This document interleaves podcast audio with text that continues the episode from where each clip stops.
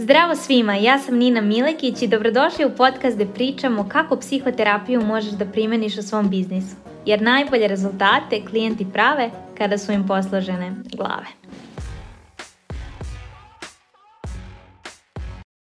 Zdravo svima i dobrodošli u novu epizodu podcasta.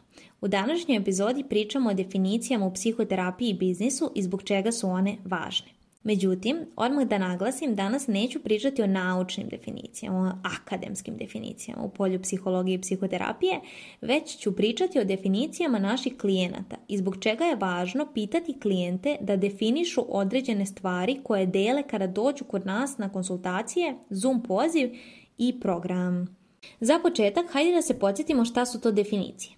Sigurna sam da si tokom školovanja bila primorana da naučiš mnoštvo definicija, baš kao što sam i ja.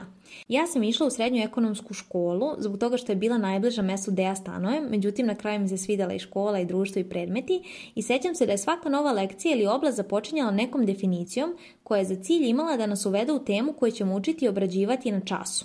Međutim, i pored svih ekonomskih i drugih pojmova koje smo morali da naučimo pogotovo u prvoj godini i dan danas mi je najdraža možda i najpoznatija definicija iz osnovne škole, a to je da je ćelija osnovna jedinica građe i funkcije svih živih bića. Na ovom primjeru i mnogim sličnim možemo da vidimo koliko definicija ostaju u nama, odnosno koliko su urezane u naše sećanje. Ja sam osnovnu školu završila 2012. godine, znači pre 11 godina, ali se i dalje jasno sećam ove definicije, šta ona predstavlja i u okviru kog predmeta sam je učila. Vođeni svim ovim, možemo reći da nam definicije služe da precizno odredimo značenje nekog pojma.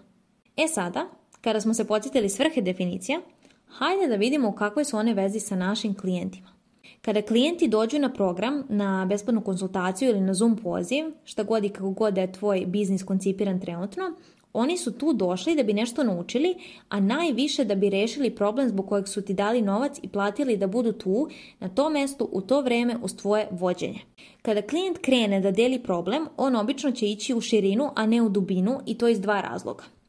Zbog toga što ne zna šta je zapravo problem je broj jedan razlog i kada ne zna u kom grmu leži zec, onda će iz klijenta najčešće da izlazi sadržaj ili ti velika količina informacija, jer je njegova namera, naravno u svakom slučaju, da nam dočara kako on ima XY problem. I o ovome sam pričala u prethodnim epizodama kada smo obrađivali koncept ovde i sada, znači o čemu ti klijent zapravo priča. Drugi razlog zbog kojeg klijent ide u širinu jeste to što ne ume da definiše šta za njega nešto znači, pa zbog toga ne može ni da nađe idealno rješenje za svoj problem, jer je u glavi haos. Mislim da je najbolje da ova dva razloga sada provučemo kroz jedan primjer. Ovdje bih voljela da obradimo jednu univerzalnu temu kroz primjer, a to je tema samopouzdanja, koju klijent realno može doneti na bilo kakav program, od programa za ishranu preko programa za pisanje kopija, biznis programa, programa za žensku seksualnost, na primjer, i tako dalje. I klijent ti sad dođe na Zoom poziv i govori kako nema dovoljno samopouzdanja. Da nešto objavi, nema dovoljno samopouzdanja da iznese svoj istinski deo, da obuče neku seksi haljinu, da napiše newsletter određeni i slično. Jako je važno da ti u tom trenutku ne ideš odmah u dubinu i rešavanje problema samopouzdanja klijentu. Pogotovo ne sa onim frazama poput samo ti kreni i doći samopouzdanje. Kidaj, kreni, uradi, ti to možeš, pa hajde hajde počni i vidjet ćeš kako će to lagano da teče i kako će ti to posle ići lagano i lepo. I koliko god sam i sama pobornik toga da reč samopouzdanje znači pouzdati se u sebe i da se zaista samopouzdanje u određenoj sferi stiče tako što vežbamo i vremenom širimo našu zonu komfora i postajemo sve bolji u toj istoj sferi, Jako je važno da pre svega toga zastanemo i pitamo klijenta da nam definiše šta samopouzdanje za njega znači. Jer pod broj 1 ne znači za svakoga isto. A pod broj 2, rešenje se krije u njegovoj definiciji, a ne u tvojoj. Ponovit ću ovo još jednom. Rešenje se krije u klijentovoj definiciji, a ne u tvojoj.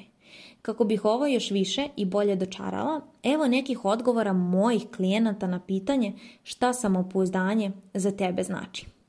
Klijent jedan je rekao, Samopouzdanje je za mene kada osoba radi nešto što je u skladu sa njenim mislima, osjećanjima i željama u datom trenutku, bez obzira na okolinu i mišljenje te okoline o tome što ona radi. Klijent broj 2 je rekao, samopouzdanje je za mene verovanje u svoju vrijednost i sposobnost. A klijent broj 3, samopouzdanje je kada je neko siguran u sebe, u svoje ponašanje, u postupke, u to kako izgleda, kako se ponaša, u držanje tela, u sve, energija kojom osoba zrači. Klijent broj 1 u fokus stavlja okolinu i tuđe mišljenje. Klijent broj 2 povezuje ličnu vrijednost i sposobnost u svojoj definiciji, dok klijent broj 3 obuhvata celokupnu sliku u sebi, svoju ličnost, uključujući energiju kojom osoba, kako ona to navodi, zrači. Iz ovih primjera možemo da vidimo da je definicija samopouzdanja različita za svakog od mojih tri klijenta. Što znači da ću u radu sa svakim od njih koristiti različiti pristup, ali ću ići ka istom rješenju, problemu manjka samopouzdanja. Jako je važno da klijenta pitamo za definiciju, a ne da pretpostavljamo šta za njega nešto znači, jer bez definicije ne možemo ni da ga vodimo ka rešenju ili rezultatu. Pročitat ću opet primjer klijenta broj 1 kako bih ovo dalje razjasnila.